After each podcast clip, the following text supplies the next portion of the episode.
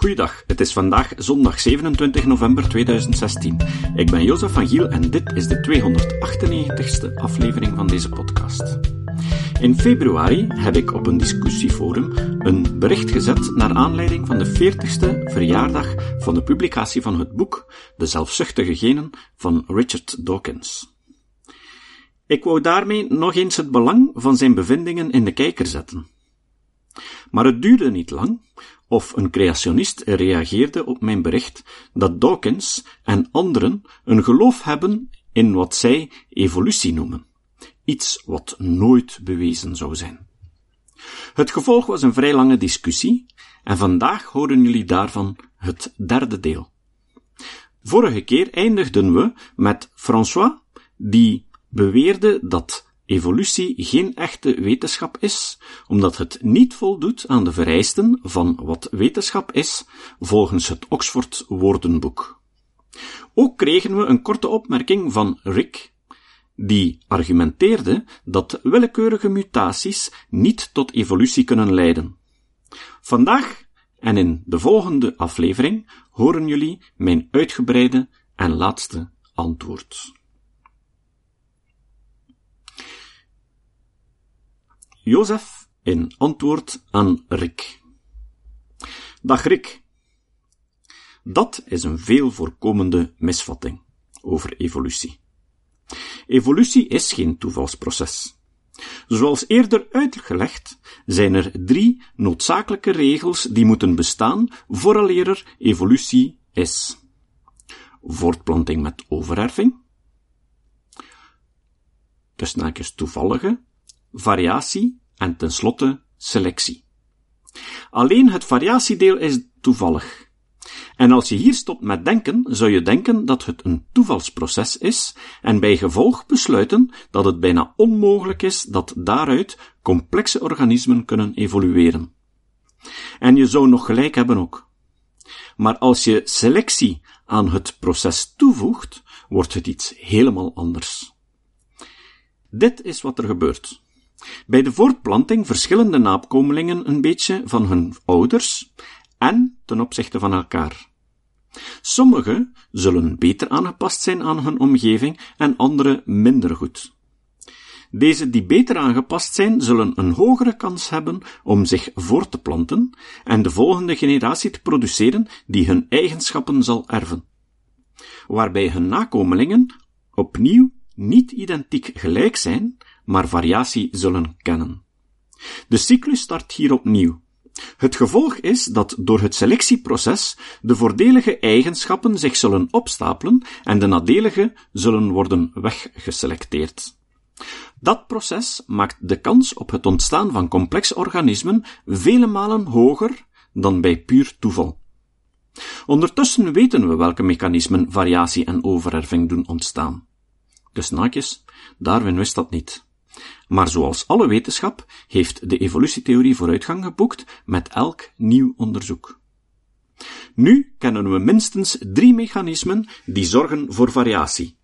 Dus naakjes bij seksuele voortplanting. 1. Mengen. Het DNA van de vader en de moeder worden gemengd om nieuwe variaties te maken, bestaande uit nieuwe combinaties van genen van beide ouders. 2. Mutaties.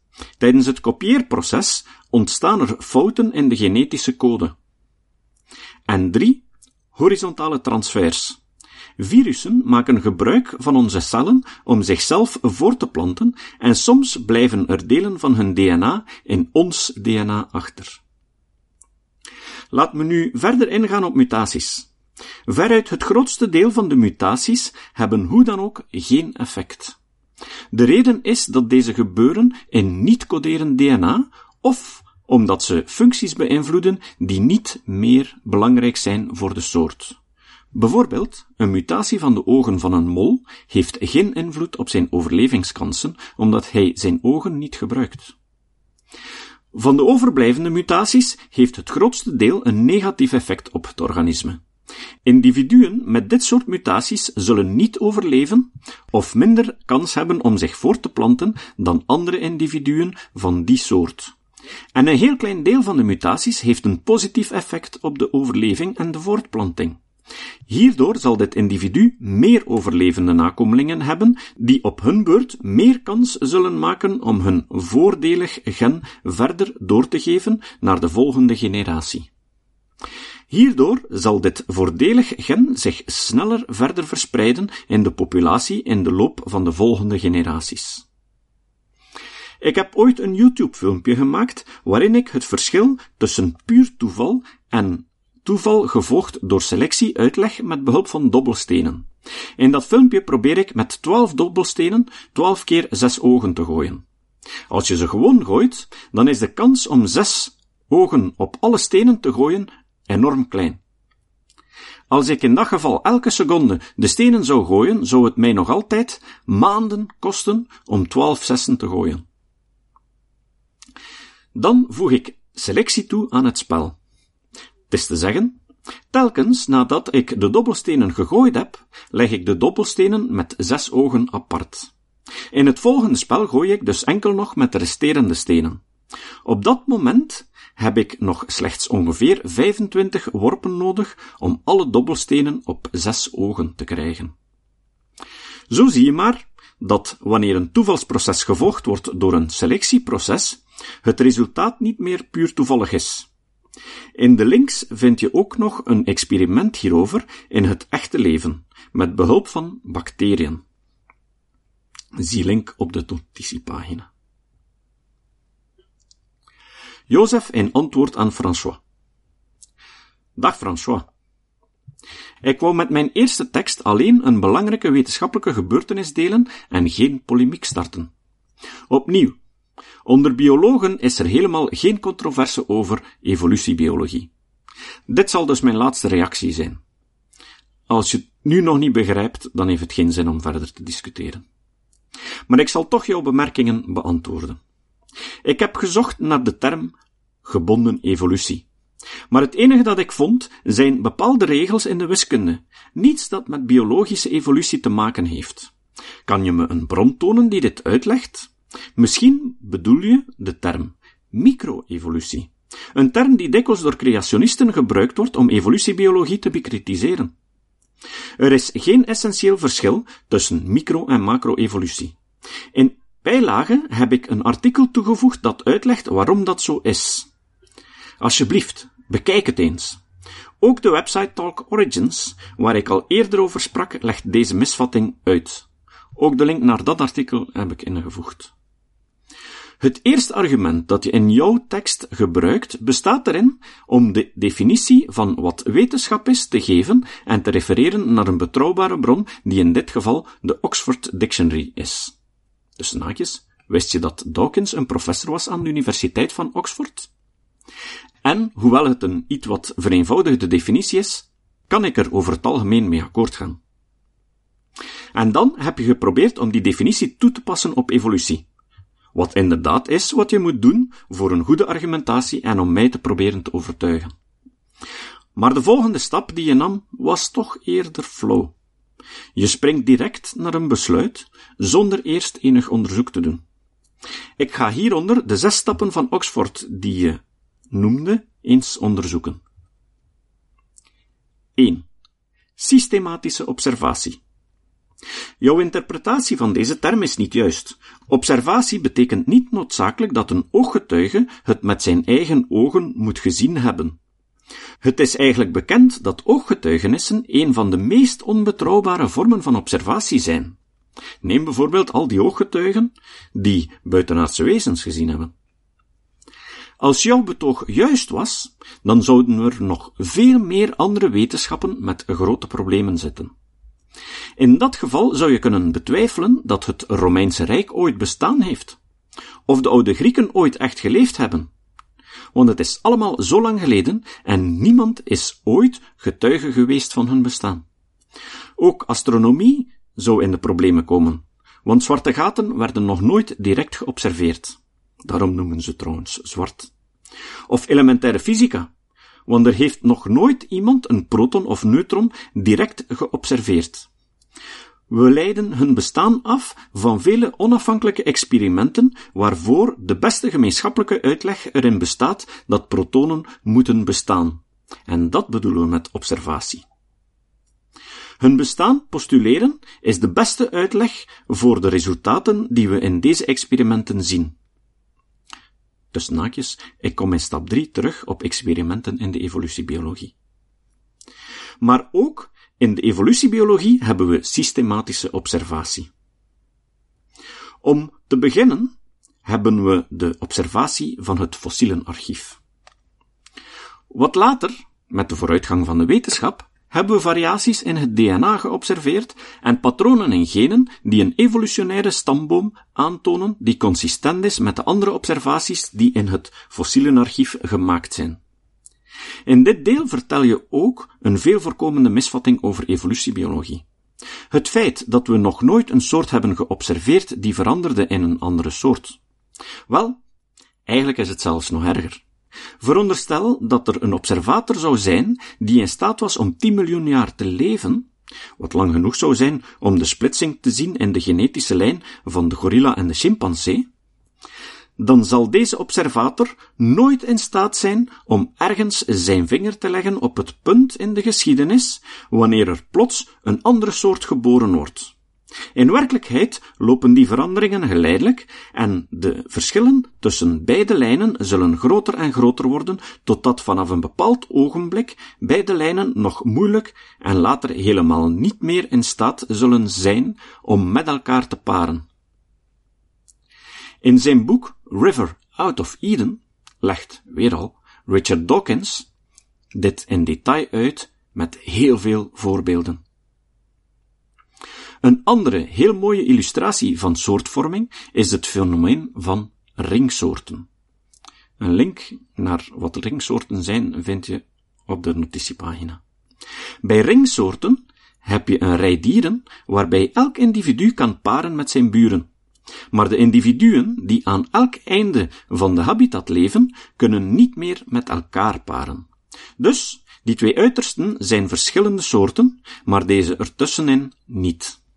Er is nergens in deze lijn een plaats waar je plots vaststelt dat het individu links van een andere soort is dan het individu rechts. Wel, als er nu plots een ramp gebeurt in het midden van deze habitat, waardoor de tussensoorten uitsterven, dan bekom je twee soorten aan elke kant die volledig van elkaar gescheiden zijn, op die manier zoals we meestal ervaren dat twee individuen van een verschillende soort zijn. De denkfout die je hier maakt is gelijkaardig aan de oude Griekse filosofische paradox van de zandhoop. Het gaat als volgt. Eén zandkorrel is geen hoop. Tienduizend zandkorrels bij elkaar kan je wel een zandhoop noemen. Tot daar gaat alles goed. Maar wanneer wordt een verzameling zandkorrels een zandhoop? Als er twee korrels zijn? Drie? Vier? Tien? Twintig? In feite is er geen duidelijk punt waar een verzameling zandkorrels plots een zandhoop wordt als je er één korrel extra bij legt. Op dezelfde manier is er geen duidelijke scheidingslijn wanneer gewijzigde individuen plots een nieuwe soort vormen. Vergeleken met zijn ouders en kinderen zal het altijd dezelfde soort worden. Er zullen enkele kleine wijzigingen zijn op dezelfde manier als dat jij een beetje verschilt van jouw ouders en kinderen. Maar er is geen duidelijke scheidingslijn waar de verschillen zodanig gecumuleerd zijn tot een nieuwe soort als er nog één verschil bij komt. Meten. In alle volgende stappen maak je je er snel van af op basis van jouw foute conclusie over de eerste. Maar metingen zijn erg gewoon binnen de evolutietheorie. Om je een voorbeeld te geven, in over het ontstaan der soorten beschrijft Darwin tientallen metingen die hij deed om tot zijn conclusies te komen.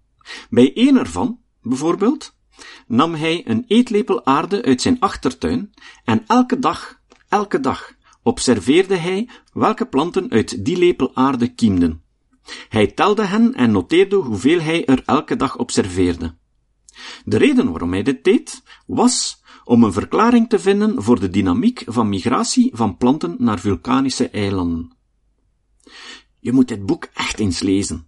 of er naar luisteren. Er staat een gratis luisterversie op LibriVox.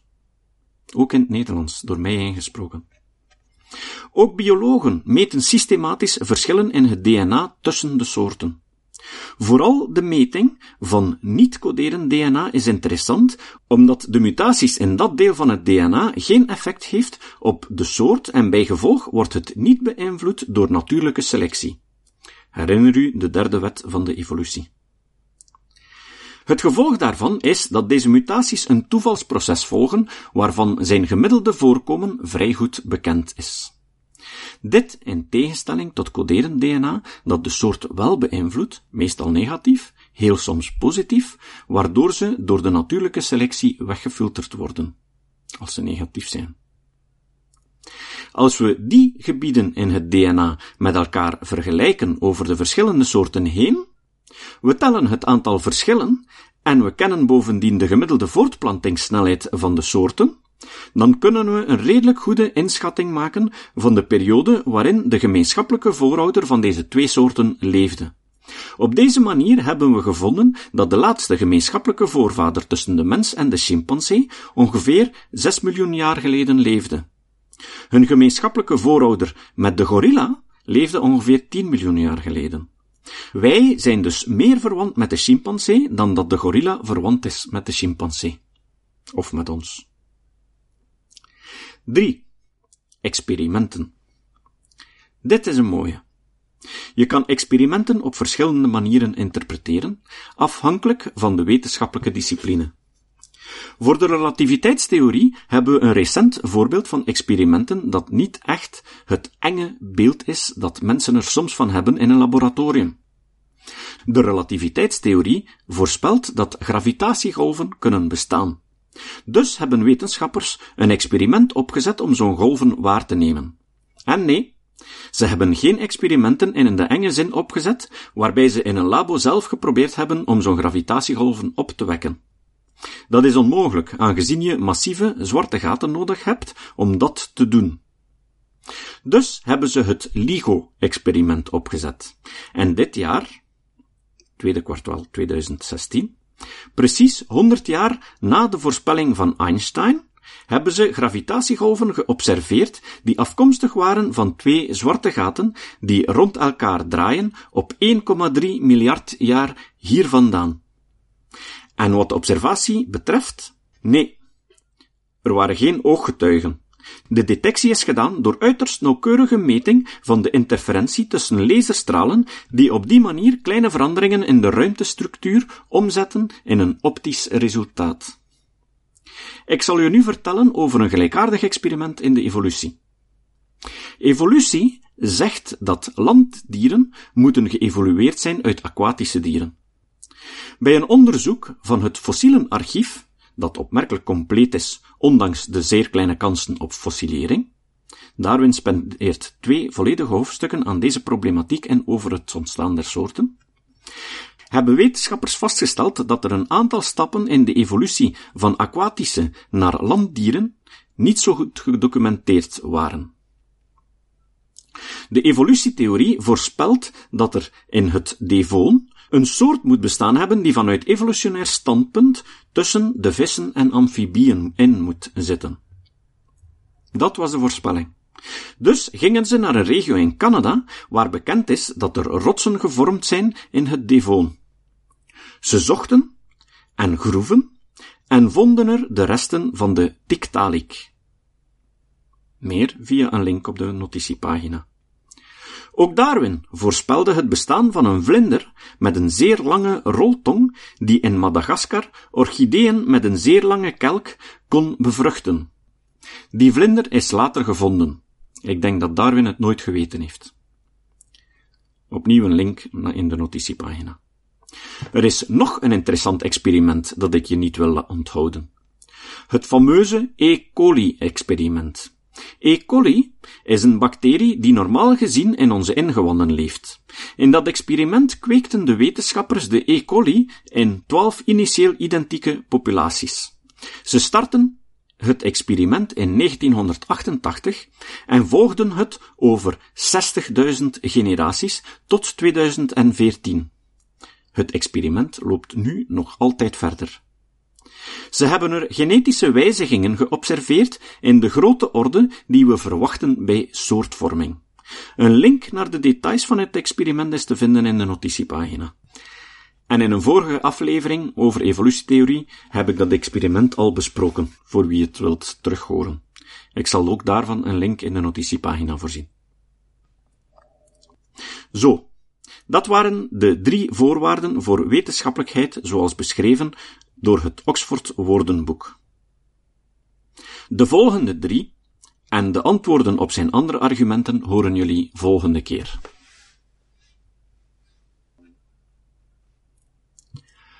Het citaat. Het citaat van vandaag komt van Maarten Boudry. Opmerkelijk genoeg hoorde ik Sam Harris in zijn laatste podcastaflevering ongeveer dezelfde uitspraak doen. Volgens mij onafhankelijk van elkaar, want de uitspraak van Maarten Boudry is van voor de publicatie van de eerste episode van Sam Harris na de verkiezingen. En omgekeerd betwijfel ik dat Sam Harris de Nederlandstalige tekst van Maarten Boudry gelezen heeft. Boudry zei, de opkomst van het Trumpisme is volgens mij in grote mate een terugslag op het verstikkende klimaat van politieke correctheid. Het kwistige misbruik van termen als racisme en islamofobie om elke kritiek op samenlevingsproblemen in de kiem te smoren. De beknotting van het vrije woord op universiteitscampussen, safe spaces en deplatforming van politieke onwelgevallige sprekers en het oeverloze geneuzel over cultureel ongevoelige Halloween-kostuums en transgenders in toiletten. En bovenal, het complete onvermogen van zowel Obama als Clinton om het probleem met de politieke islam nuchter onder ogen te zien of zelfs maar het woord islam uit te spreken in de context van jihad-terreur. Tot de volgende keer. Deze podcast is het resultaat van het werk van veel mensen. Rick de Laat verbetert bijna al mijn teksten en maakt de meeste vertalingen. Emiel Dingemans verzorgt onze website en Facebookpagina.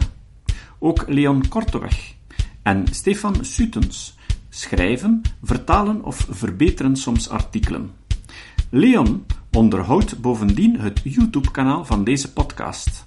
De muziek van de intro en de trailer heeft Nick Lucassen geschreven en soms maken we ook gebruik van muziek van Ad van Nederpelt, die ons zijn prachtige composities ter beschikking stelt.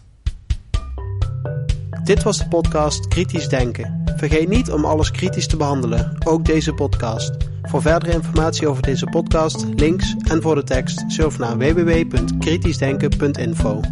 Als je deze podcast belangrijk vindt, kun je me steunen door anderen warm te maken ook eens te luisteren. Stuur een e-mail naar vrienden met een link naar de website en plaats de link in de handtekening van je e-mails. Tevens kun je op iTunes deze podcast een beoordeling geven of een recensie schrijven. Of je kan op je eigen website of blog een link naar kritisch denken plaatsen.